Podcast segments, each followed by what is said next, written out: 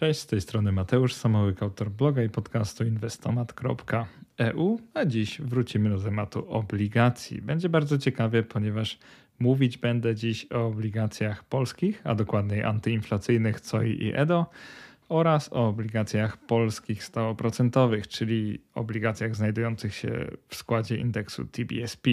Jeżeli o nim nie słyszeliście, to nic straconego, bo zaraz wyjaśnię dokładnie o co chodzi ale już na samym wstępie chciałbym przyznać, że ten dylemat, o którym będę dziś mówił, jest dylematem dość nierównym, ponieważ z jednej strony mamy proste do zrozumienia, bardzo powszechne obligacje detaliczne COI i EDO, czyli te antyinflacyjne, które można kupić za pomocą PKO obligacje, albo na przykład kont IKE obligacje oraz Super IKE, ale kupimy je niestety tylko właśnie za pomocą wybranych kont, a z drugiej strony mamy bardziej powszechnie dostępne, ale gorzej zrozumiane i trudniejsze do zrozumienia obligacje hurtowe z indeksem TBSP na czele.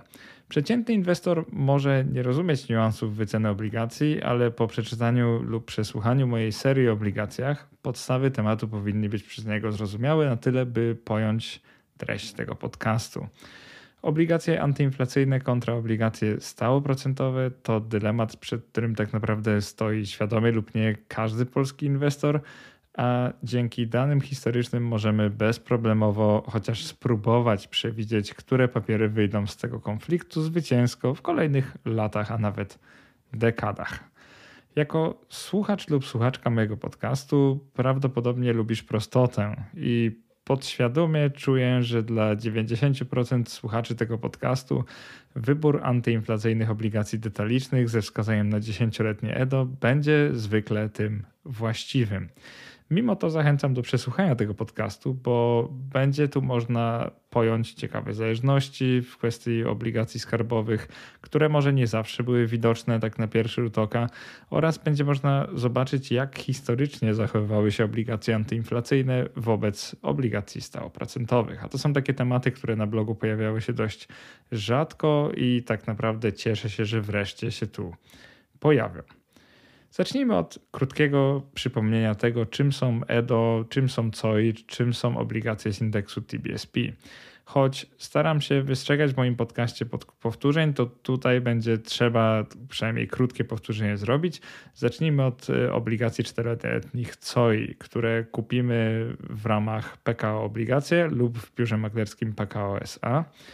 Y, czyli będziemy do tego potrzebować bardzo konkretnych rodzajów konta maklerskiego, którym, tak jak powiedziałem, jest konto w PKO Obligacje albo jedno z dostępnych tam IKE lub konto w biurze maklerskim PKO. I w tej chwili nigdzie indziej obligacji co i tych czteroletnich nie kupimy.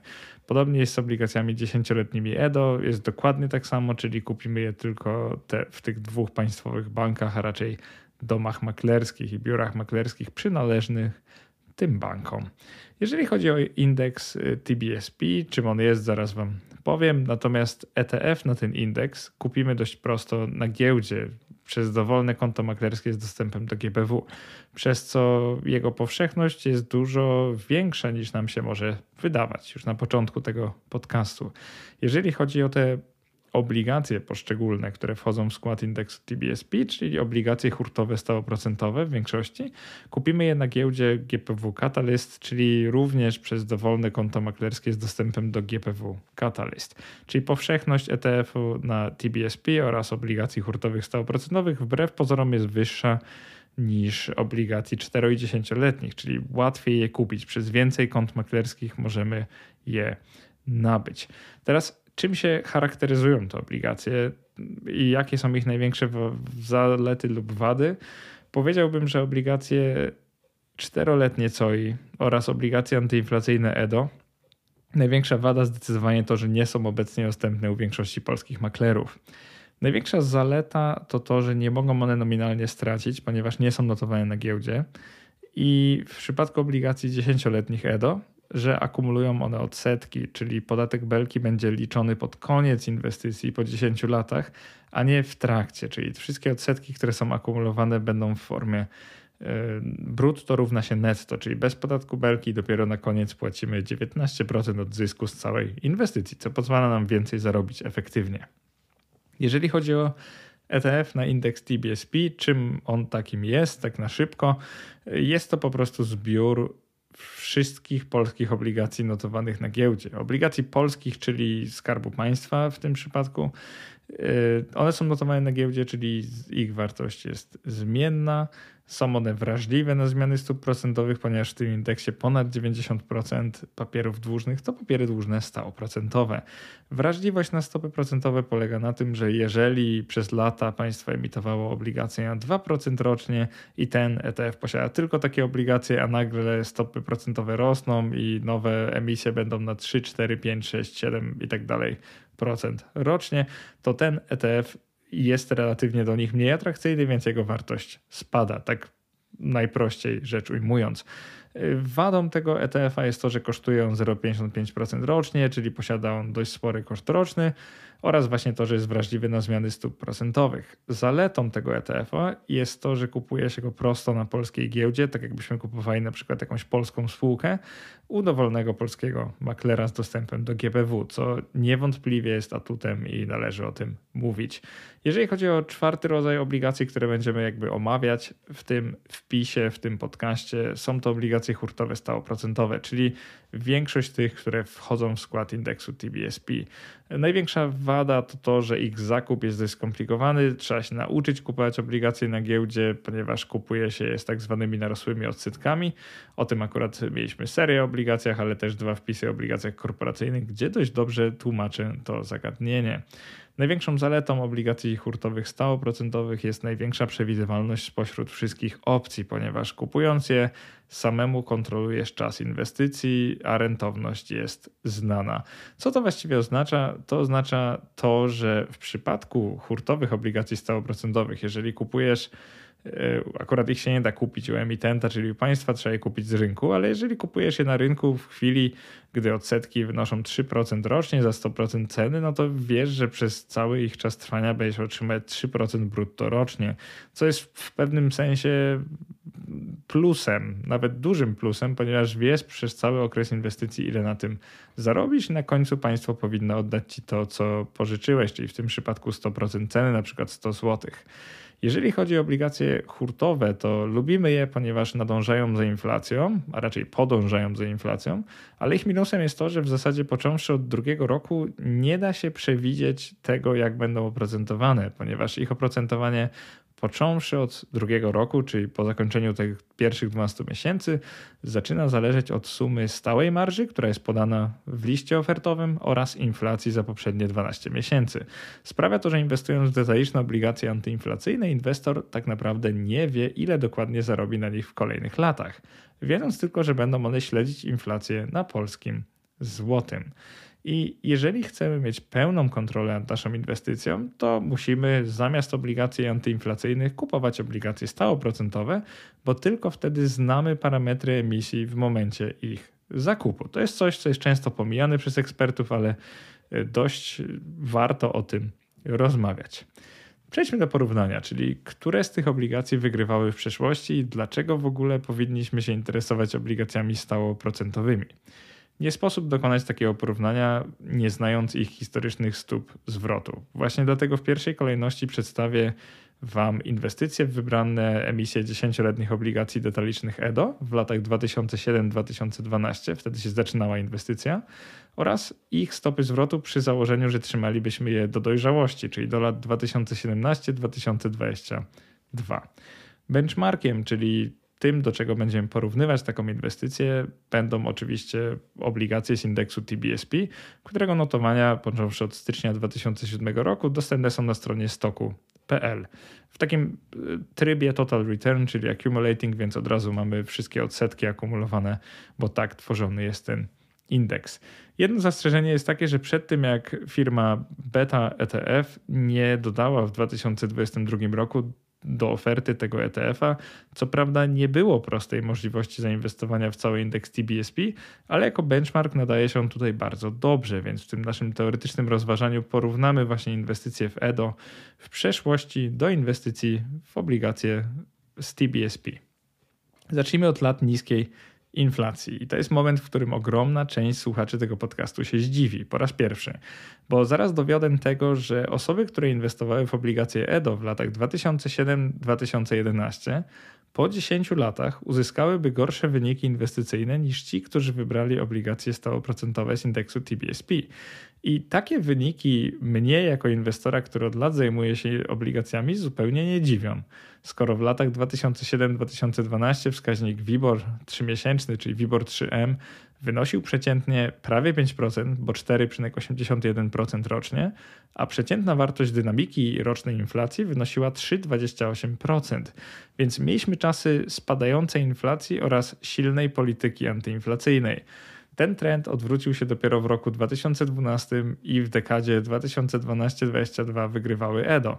Ale stało się to tylko dlatego, że inwestor pod koniec inwestycji, a dokładniej w 2022 roku, załapałby się na okres wysokiej inflacji i rosnących stóp procentowych, które skutecznie obniżyły wartość indeksu TBSP.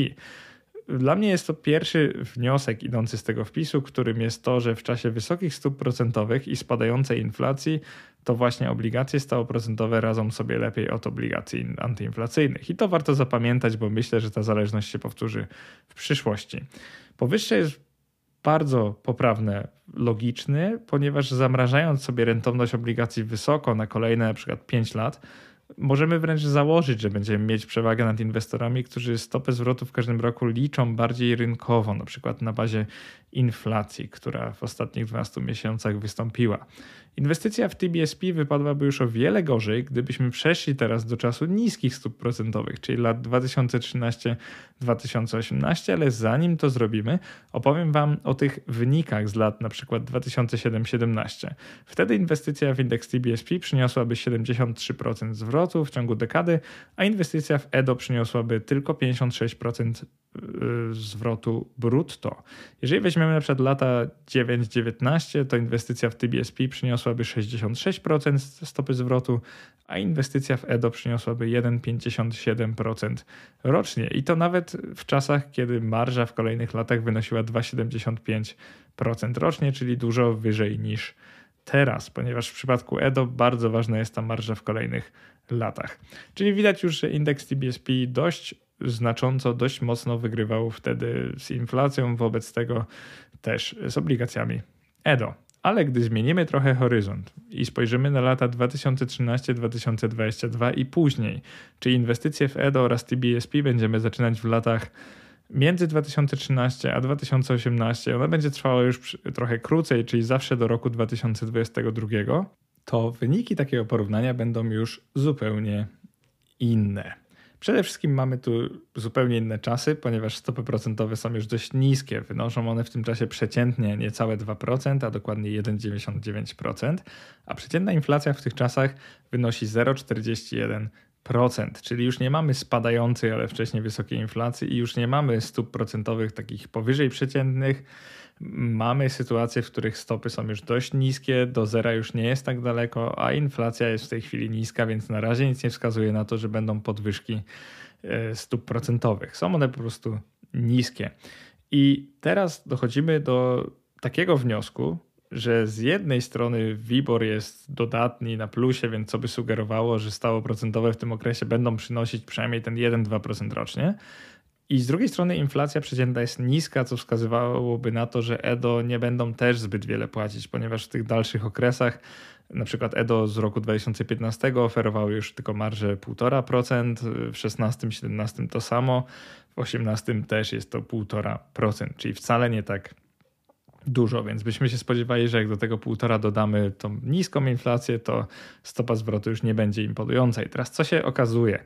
Okazuje się, że wystarczyło trafić na jeden rok podwyżek stóp procentowych, a w tym przypadku jest to konkretnie rok 2021, koniec i 2022, jego pierwsza część i dowiemy się, że indeks TBSP no, bezpowrotnie straciłby tyle, że inwestycja w EDO w każdym z tych okresów udałaby się inwestorowi dużo bardziej.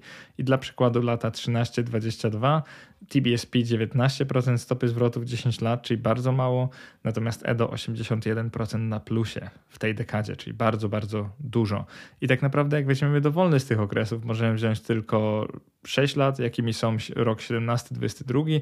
Wtedy, gdybyśmy zainwestowali w EDO, byśmy teraz już po tych kilku, sześciu latach dokładnie mieli 49% wzrostu naszego kapitału, a w, w razie inwestycji w EDO mielibyśmy tylko 5% wzrostu w ciągu 6 lat. Drugi wniosek nasuwa się zatem sam właściwie. Jest to to, że gdy spadają stopy procentowe, znajdując się już niedaleko zera, czyli gdzieś około 2 lub niżej, e, procent, to inwestycja w TBSP staje się, przynajmniej według mnie, zbyt ryzykowna wobec potencjalnego zysku z inwestycji, który te obligacje wypłacą w przyszłości. I powyższe nie sprawdziłoby się tylko, gdyby Skarb Państwa przestał emitować obligacje z EDO, EDO z marżą wynoszącą w kolejnych latach 1,25 do 1,5% rocznie, co jest obecnie wystarczającym zabezpieczeniem przed niską inflacją, by EDO mogły pokonać indeks TBSP nawet w czasach niskich stóp procentowych. I myślę, że relacja stóp procentowych do indeksu TBSP BSP jest dla wielu bardzo trudna lub wręcz niemożliwa do zrozumienia, więc postanowiłem zadedykować jej osobny podrozdział tego wpisu. I nawet jeśli przeraża Ci tematyka rentowności obligacji, intuicyjnie sądzisz, że w ogóle jej nie rozumiesz, to posłuchaj przez kolejne kilka minut, bo mam wrażenie, że umiem teraz już to dość prosto wytłumaczyć. Wyjaśnię to na prostym przykładzie.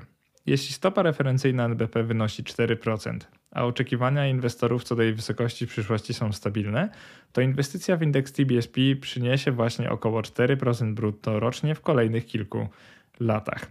Jeśli jednak stopy procentowe zaczynają maleć, a indeks TBSP posiada dalej wszystkie wcześniej emitowane obligacje, to jego 12-miesięczna krocząca stopa zwrotu zaczyna zdecydowanie rosnąć, kompensując sobie spadające stopy procentowe. I dokładnie to widać, jakbyście zobaczyli zależność indeksu TBSP od stopy referencyjnej NBP.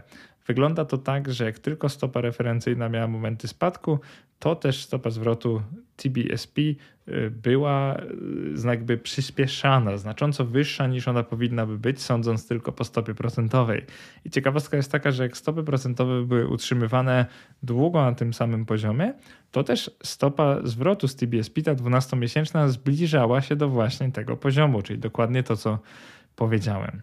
I na czym polega ta kompensacja? Dlaczego tak jest? Y, jeśli przeciętna emisja w portfelu TBSP jest oprocentowana, tak jak mówiłem, na 4%, a w związku z obniżką stóp procentowych każda kolejna będzie oprocentowana na załóżmy 2%, to indeks TBSP powinien kosztować więcej nominalnie, by rentowność tej inwestycji zrównała się z nową emisją, czyli 2%. Jeżeli inwestorzy płacą 100 zł za nową emisję, która płaci 2% rocznie, to jest chyba logiczne, że inwestorzy nie będą płacić też 100 zł za koszyk obligacji, który płaci 4% rocznie. Dlatego wzrośnie on na przykład do 120 lub 130 zł. Poprzednio tłumaczyłem to krok po kroku, także w podcaście o nazwie Kiedy kupić ETF na indeks polskich obligacji TBSP. Zainteresowanych tematem oczywiście zachęcam do ponownego jego przesłuchania albo do przesłuchania jego po raz pierwszy.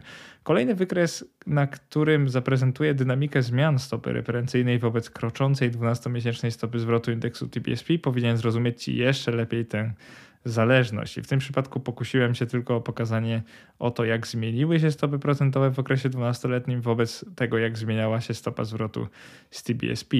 I najdobitniej widać to w roku 2021 pod koniec, kiedy po raz pierwszy mieliśmy podnoszenie stóp procentowych od bardzo dawna, e, widać wtedy, jak bardzo stopa zwrotu z TBSP spadała, czyli jak bardzo ujemna się stawała ta 12-miesięczna stopa zwrotu w razie tego, jak przyspieszały się podwyżki stóp procentowych. Także to bardzo dobrze pokazuje, jak mają się podwyżki i obniżki stóp procentowych do stopy zwrotu z indeksu stałoprocentowych obligacji TBSP. Choć wśród polskich ekonomistów są osoby głoszące opinię, że to dopiero początek inflacji i będzie ona rosła w kolejnych latach, to dwa główne nurty medialne głoszą, że albo spadnie ona dynamicznie w ciągu 3-4 lat, albo będzie spadać ona stopniowo w ciągu kolejnych kilkunastu lat, czyli bardziej powoli, ale mimo wszystko będzie spadać. Jak w takiej sytuacji zachowałby się indeks TBSP? Na jakie oprocentowanie liczyć będą mogli inwestorzy, którzy kupili detaliczne obligacje antyinflacyjne EDO? Temu problemowi chciałbym się przyjrzeć w kolejnym podrozdziale tego nagrania. Choć precyzyjnie na te pytania odpowiedzieć się nie da, ponieważ nie znam przyszłości, to mogę spróbować pobawić się tworząc pewne symulacje, które pomogą Ci podjąć decyzję o kształcie części obligacyjnej Twojego portfela. I na potrzeby tego podcastu, tej dyskusji załóżmy zatem, że inflacja na PLN jest już w okolicy maksimów i że w kolejnych latach albo spadnie ona bardzo dynamicznie i to będzie scenariusz pierwszy i w nim w 2026 roku prawie nie będzie po niej już śladu albo inflacja będzie spadała raczej powoli, czyli będzie scenariusz drugi, zostając z nami przez kilkanaście lat. Naturalnie Rada Polityki Pieniężnej będzie w przyszłości próbowała walczyć z tą inflacją, dostosowując stopy procentowe do sytuacji w najlepszy możliwy sposób, jak wszyscy wiemy, ale i tak trzeba założyć pewne wartości inflacji oraz stopy referencyjnej i wtedy dopiero zobaczymy, jak poradziłby sobie indeks TBSP oraz obligacje EDO. Zacznijmy od tego pierwszego przypadku, czyli tego, w którym już po pierwszym roku dynamika inflacji z 17,4 spada do 12, w kolejnym roku do 8, w kolejnym do 4 i w kolejnym do 2,5%, czyli dość szybko spada do tego celu inflacyjnego i to powoduje takie zachowanie Rady Polityki Pieniężnej, że powoli obniża ona stopy procentowe odpowiednio do 5, 4, 3, następnie 2%. To jest scenariusz bazowy dla, mam wrażenie, większości ekonomistów. No to jak wtedy zachowałby się indeks TBSP? To w tych e, niższych wierszach opisałem. Stopy zwrotu byłyby oczywiście wyższe od stóp procentowych, ponieważ tak dokładnie działa indeks stałoprocentowy obligacji w momencie cięcia stóp procentowych i z czasem spadałby on tak, żeby mniej więcej tylko trochę przekraczać wartość stóp procentowych. W całym okresie TBSP, czyli całym okresie, czyli w kolejnych 10 latach, TBSP przeskoczyłby stopą zwrotu obligacje EDO, ale nieznacznie, o około 10 punktów procentowych. Konkretnie jego stopa zwrotu wyniosłaby 75 wobec 66% obligacji EDO. Dlaczego by tak było? Ponieważ EDO dalej byłyby dość lukratywną inwestycją, podczas gdy inflacja wynosi te 17, później 12%, a w pierwszym roku są one oprocentowane na 7,25%. Dlatego w pierwszym scenariuszu mamy coś takiego, że i tak Edo radzą sobie dość dobrze, ale TBSP radzą sobie jeszcze lepiej. Co by się jednak zdarzyło, gdybyśmy zamiast scenariusza szybkiego spadku inflacji mieli scenariusz powolnego spadku inflacji i stóp procentowych? Co to znaczy powolnego? To znaczy to, że ta dwucyfrowa inflacja utrzymałaby się przez kolejne aż 6 lat, czyli ona by wynosiła jeszcze w roku jakby 2028 10% i dopiero spadła do 5% w ciągu całej dekady, czyli w całej dekadzie byśmy mieli wysoką inflację na PLN. Wtedy stopy referencyjne musiałyby jeszcze rosnąć przez dwa lata i dopiero później zaczęłyby spadać, ale nieznacznie, czyli RPP byłoby dość opieszałe i najpierw lekko jeszcze podniosło stopy procentowe do 8% w ciągu dwóch lat, a później bardzo powoli by je cięło.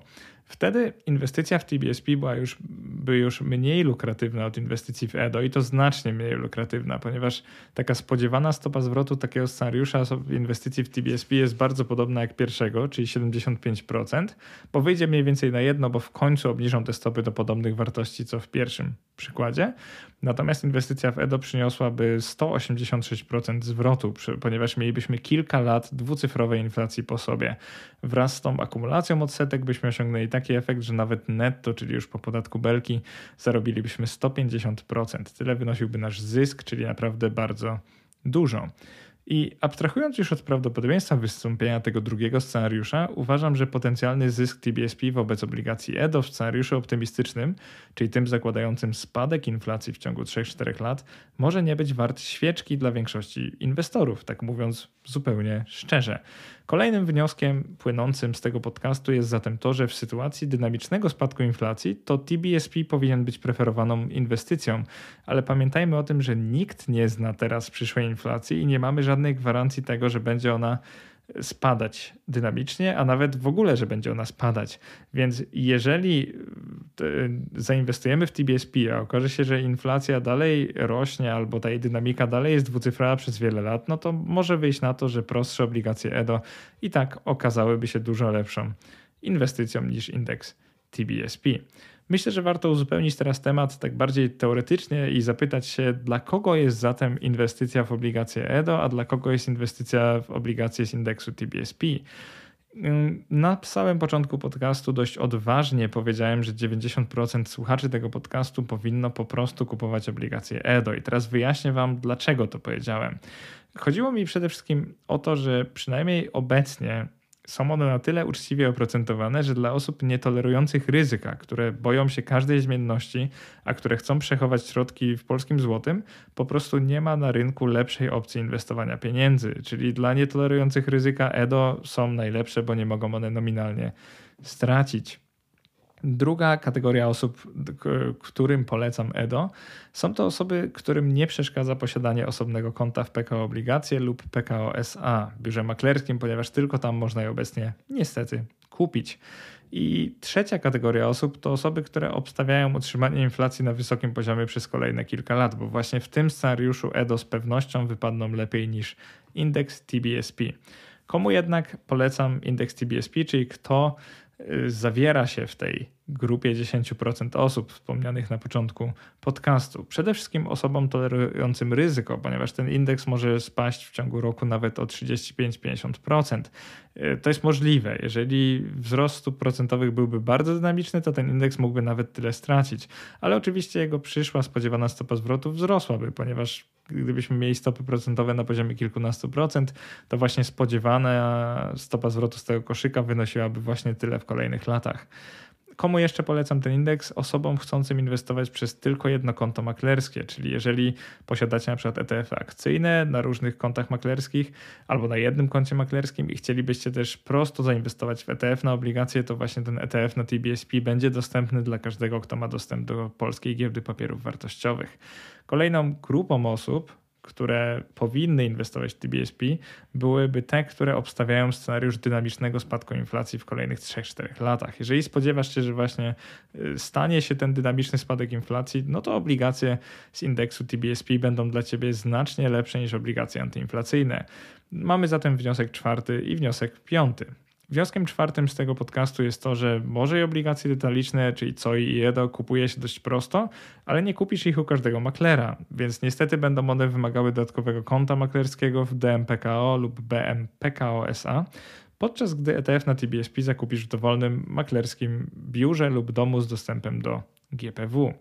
Wniosek piąty, o którym też mówiłem, to to, że jeśli obawiasz się dalszego wzrostu inflacji na PLN lub jej długotrwałego, nawet do 10 lat, utrzymania dynamiki, to po prostu wybierz obligacje EDO, które zagwarantują Ci brak spadków oraz pobicie TBSP w okresie stabilnych stóp procentowych i powoli spadającej inflacji. Czy mimo wszystko interesuje Cię zakup obligacji hurtowych? Bo jeżeli tak, to pamiętaj, że nie musisz kupować ETF-a na TBSP. Formy zakupu tych obligacji są dwie. I pierwszą z nich jest właśnie ETF na TBSP, a drugą jest bezpośredni zakup wybranej emisji lub wielu wybranych emisji na rynku GPW Catalyst. E, jeżeli chodzi o ETF-a, jakie są jego zalety, jakie wady? Zaletą jest to, że bardzo prosto go kupić. To jest ETF, więc dokonujesz jednego zakupu, masz cały koszyk obligacji, tych stałoprocentowych i e, zerokuponowych. Wadą jest to, że obecnie jego koszt roczny, bieżący, czyli tak zwany TER, wynosi 0,55%, co w długim terminie jest wartością dla obligacji dość destruktywną, ponieważ przy możliwych niskich stopach procentowych te koszty roczne będą konsumować bardzo dużą część potencjalnego zysku, czyli tych odsetek, które obligacje wypłacają. Przy wyższych stopach procentowych ten koszt można mu jednak wybaczyć, ponieważ jeżeli rentowność indeksu wynosi w danej chwili 6,5%, no to te 0,55 punktu procentowego obniżenie wyniku o tyle nie boli aż tak bardzo jak przy rentowności 1 lub 2%. ETF na indeks obligacji TBSP będzie zatem preferowany przez osoby, które nie mają ambicji, by uczyć się zakupu poszczególnych emisji na rynku wtórnym lub boją się tego, że będą one mało płynne. Będzie to zatem optymalny ruch dla tych, którzy inwestują na długi termin, chcą inwestować prosto, uśredniać cenę zakupu i nie przejmować się po drodze dołkami i górkami oraz tym, jak kupuje się obligacje bezpośrednio na rynku Catalyst. Ale pamiętajcie, że zamiast zakupu ETF-a na TBSP możemy zakupić bezpośrednio wybraną emisję lub wybrane emisje obligacji stałoprocentowych Skarbu Państwa na Catalyst. I dla kogo byłaby taka inwestycja? Przede wszystkim dla osoby, której nie przeszkadza potencjalny brak płynności takich instrumentów na giełdzie, ponieważ tutaj i tak czekamy do ich wykupu, więc nie obchodzi nas to, że mogą one być niepłynne lub mało płynne. Drugą kategorią osób, której polecałbym takie rozwiązanie, są te, które chcą darmowego utrzymania inwestycji, czyli nie tolerują kosztu rocznego, chcą zapłacić za zakup, ewentualnie za sprzedaż lub wykup, ale nie chcą płacić za samo posiadanie obligacji.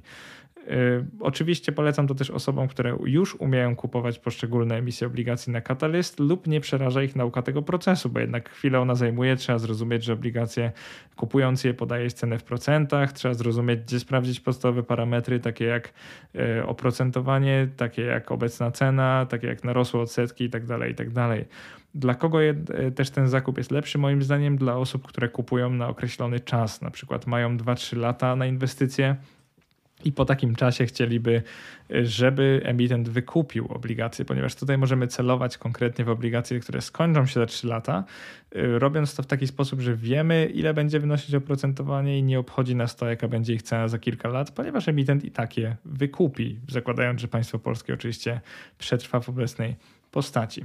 Szóstym wnioskiem z tego podcastu jest zatem to, że jeśli umiesz poruszać się po rynku Catalyst, to wybór pojedynczych emisji obligacji skarbowych może okazać się dla Ciebie dużo lepszy niż zakup ETF-a na indeks TBSP. Lepszy w sensie tańszy i bardziej lukratywny. Po prostu Twoja stopa zwrotu z inwestycji będzie dużo wyższa.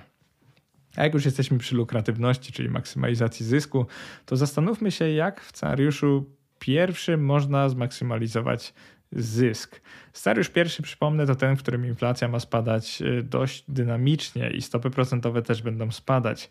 Zamiast kupować szerokiego indeksu TBSP, w którym mamy y, obligacje o różnej zapadalności, czyli na przykład 3-letnie, 5-letnie, 6-letnie i 10-letnie, Wyobraźcie sobie, że TBSP na przykład może w danym momencie być obligacją tak średnio, przeciętnie, o zapadalności 5-letniej i rentowności przed 7%. W sytuacji wahań stóp procentowych największe zmiany notują zawsze obligacje o najdłuższym terminie zapadalności. Mm, przez co mówi się, że one są bardziej wrażliwe na ryzyko stóp procentowych. Jeśli spodziewasz się zatem obniżenia stóp procentowych, to najlepszą inwestycją i taką znacznie lepszą od uśredniającego zapadalność ETF-a na indeks TBSP okazać się może wybrana emisja o długim terminie zapadalności. I tutaj jako taki przykład podam emisję FCP 1140 albo WS 0447. Są to obligacje, które wykupione zostaną dopiero w roku odpowiednio 40 oraz 47, czyli no, są one bardzo długoterminowe, około 20 lat i więcej, więc ich wrażliwość na zmiany stóp procentowych widać na pierwszy rzut oka. Wystarczy sobie narysować przebieg jed notowań jednych z tych obligacji, na przykład FCP 1140 wobec indeksu TBSP. Wygląda tak, że w roku 2022 indeks stracił jakieś 15%, a te emisje straciły nawet 50% i więcej.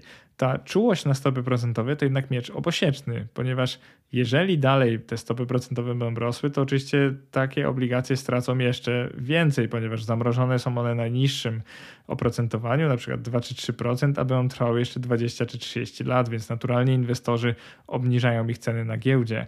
Natomiast jeżeli będą spadać stopy procentowe, no to wyobraźcie sobie, że one wrócą w końcu do tej swojej inicjalnej ceny, po której e, do tego oprocentowania, po którym je emitowano, czyli mogą one zyskać nawet 50% w ciągu roku lub dwóch.